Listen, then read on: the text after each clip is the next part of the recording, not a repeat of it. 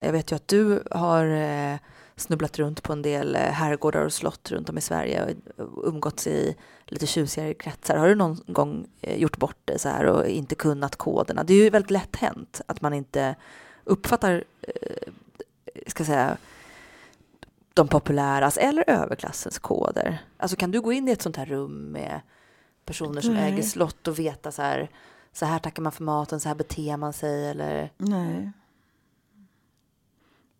Kommer ihåg en gång jag satt med en hatt på en hel middag och sen efteråt så förstod jag att det ska man ju aldrig göra. Men det var en sommarmiddag utomhus, jag hade en sån här stor solhatt. Ja, men det gör man bara inte. Nej, det ska man inte göra. Man ska inte ha hatt på sig när man äter middag. Men hur, hur kom du fram till att... Jag tror att jag stötte på något annat sammanhang, läste en sån här vett och etikettråd. Det var inte så farligt ändå tycker jag. Nej. Vad tycker du skulle vara farligt att göra bort sig då?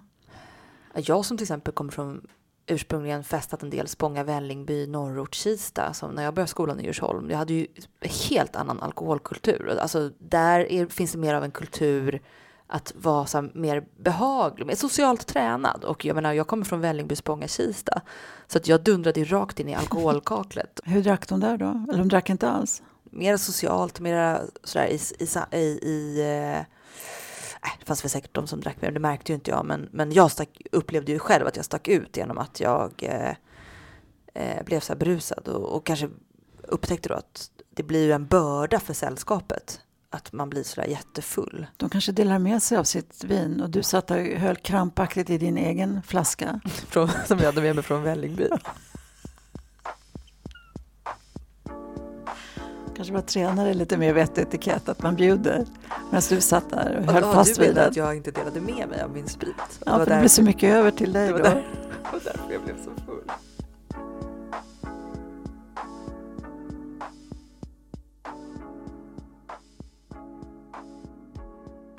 Under den här tiden då, när jag pendlade mellan Kista och Djursholm, så eh, såg jag i alla fall den här första filmen i om de snabba cashen, Snabba Cash. Jag minns att jag, det klickade till lite där, jag fick någon slags identifikation med ändå Joel Kinnemans figur JV. Ja, men riktigt tung investmentlirare? Som har en jävligt skön fetisch. Älskar bridge.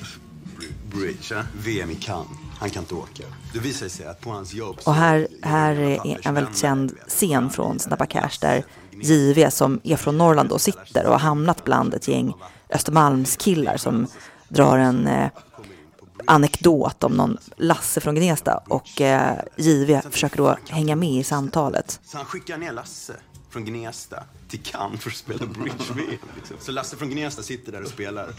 Helt plötsligt. Du ser hur han tittar för han vill ha bekräftelse från alla håll. Till höger och vänster. Det gör man inte om man har sådär medfött självförtroende som de andra runt omkring honom. De behöver inte få bekräftelse. Gör jag rätt eller säger jag rätt? Väldigt intressant blick han har. Ja, blicken, blicken är ju bli, en mindervärdighetskomplex blick. Ser du? Jag tycker det ser ut som att han vill komma åt någonting.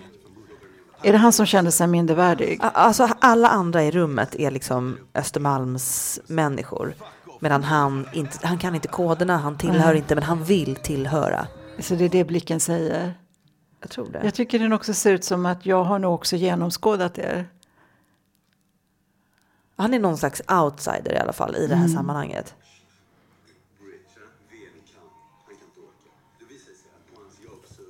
En outsider har ju ofta ett speciellt kroppsspråk.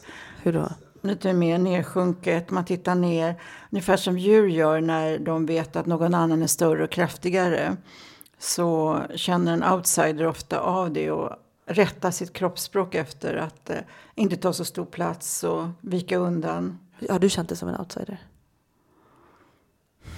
Ja, i vissa sam många sammanhang, särskilt när det är Eh, kanske kultursammanhang eller första gången jag skulle träffa tv-människor. För jag, jag fick ju det arbetet på Sköna Söndag och prata om sex då. Och innan så träffades vi, jag blev inbjuden till en, en träff då med de som skulle ha programmet. Det var Katrin Jakobs, det var några producenter. Och det här var på 80-talet i Malmö.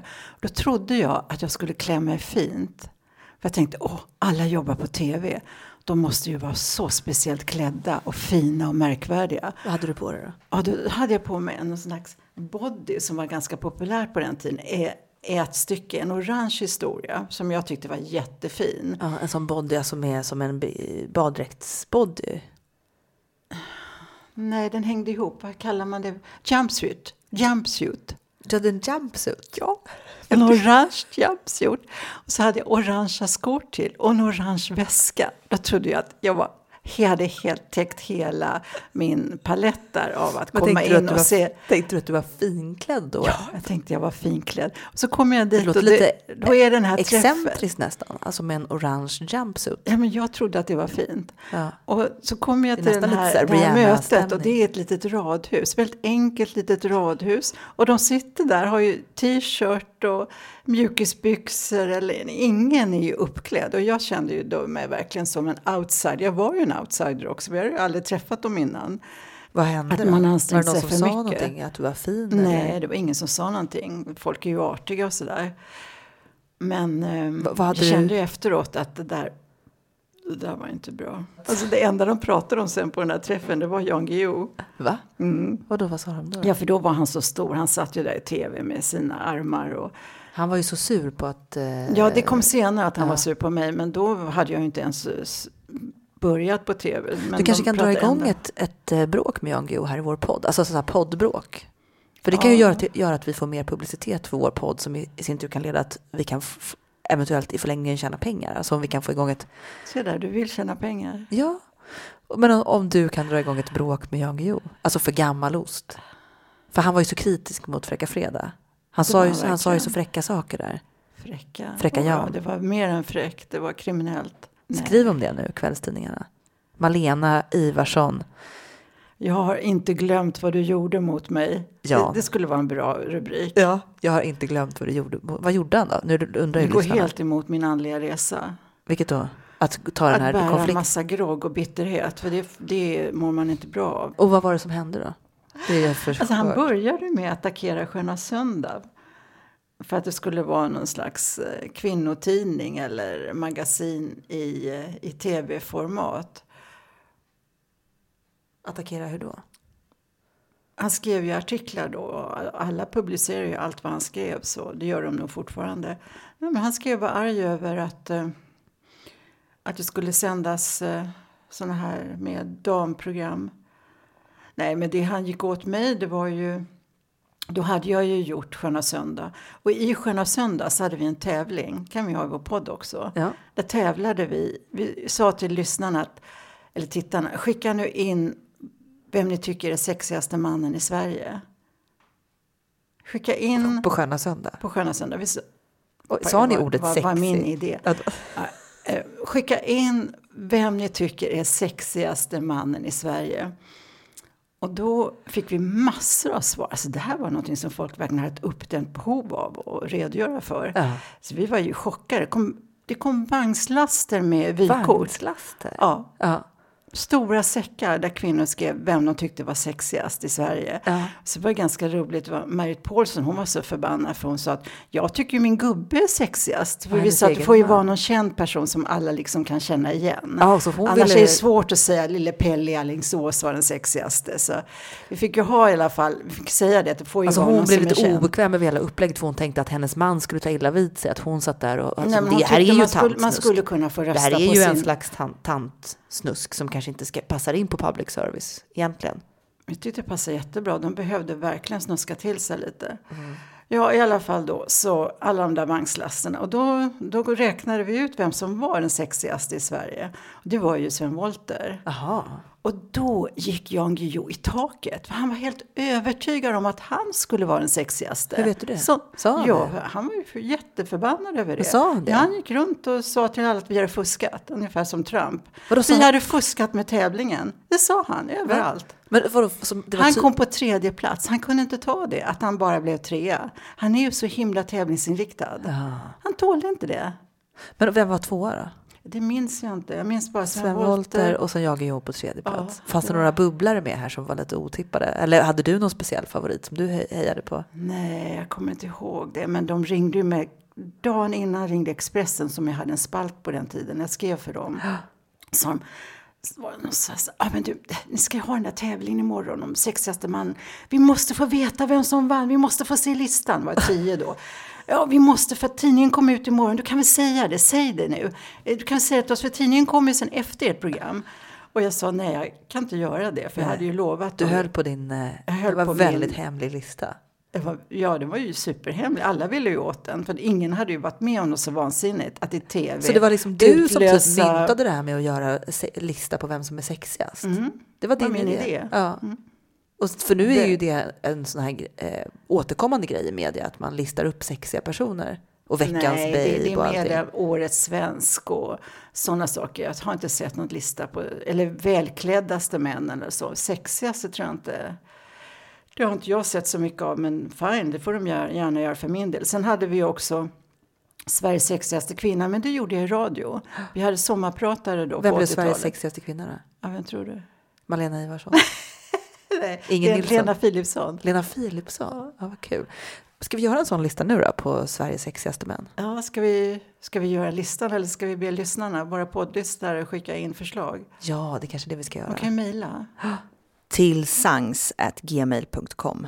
Och då får ni ta vem som helst som är känd. Ja, och det kommer bli då till sängs lista på Sveriges sexigaste män. Se- Det har ju sexigaste gått kända många år män. sedan dess, vi behöver förnya den listan. Men du kanske kan det säga här var bara, 86 vi gjorde den. vi kan ju droppa några namn bara för inspiration. Om det finns några som du tycker. Jag gjorde ju en gång en radioteater som hette Janne Josefsson ligger etta på min knullista. Va? Ja. Har du också hållit på med sådana listor? Ja, det här var ju Knullista, det här var ju värre än- det, här var, nej, det här var ju kultur, det var en pjäs. Jag skrev en pjäs, alltså som dramatiker. Aha. Skrev jag en pjäs som hette Janne Josefsson ligger etta på min knullista. Aha. Det var den här tiden när han var aktiv i Uppdrag granskning och att det är ju väldigt attraktivt med sån här konfrontativ grävjournalistik. Det Det, är det. Det är något sex. Han blev ju årets svensk förresten i senioren. Förra året. den där positionen som du trodde att du skulle... Ja, jag trodde jag skulle få den. Det var ingen som röstade på Nej, inte- tillräckligt i alla fall. Nästa år, skål, nu skålar vi. Nästa år blir det du som blir årets senior. Jag kan tänka mig en roligare titel. Mm. Okej, säg någon sexig man då som du tycker. Ja, men Janne Josefsson på den tiden när det väl begav sig, då hade han ju någonting med den här pigga, snabba göteborgskan. Att det var, och, och där, att han är liksom det är lite glad. sexigt med göteborgska. Han var glad, men han hade en agenda. Att Mm. han, och så var han ju liksom, skulle skipa rättvisa. Så han var ju som en riddare på det sättet. Jens Lapidus. Tycker du han är sexig? Mm. Han ska vara med. Det också jag känner inte med Jens Lapidus, varför är han sexig? Jag tycker han är jättesexig. Varför då? Han är kunnig, han ser bra ut och sen är han välklädd. Och sen har han sagt i någon intervju att eh, han gillar sex. Och det är så ovanligt att män säger att de gillar sex. Okej. Det tycker jag är sexigt, att man vågar stå upp för det.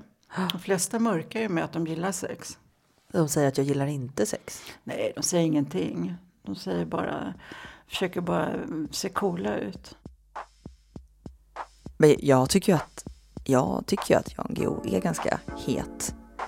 Och inte minst nu när han, liksom, precis som du verkar ha lämnat det här gamla, som du säger, grogget bakom sig och transformerats, blivit mer upplyst, mogen. Han kan mycket väl få en, en ganska så bra placering på den här nya listan på Sveriges sexigaste män. Men vi behöver ju era svar också, så mejla in era kandidater till tillsangs@gmail.com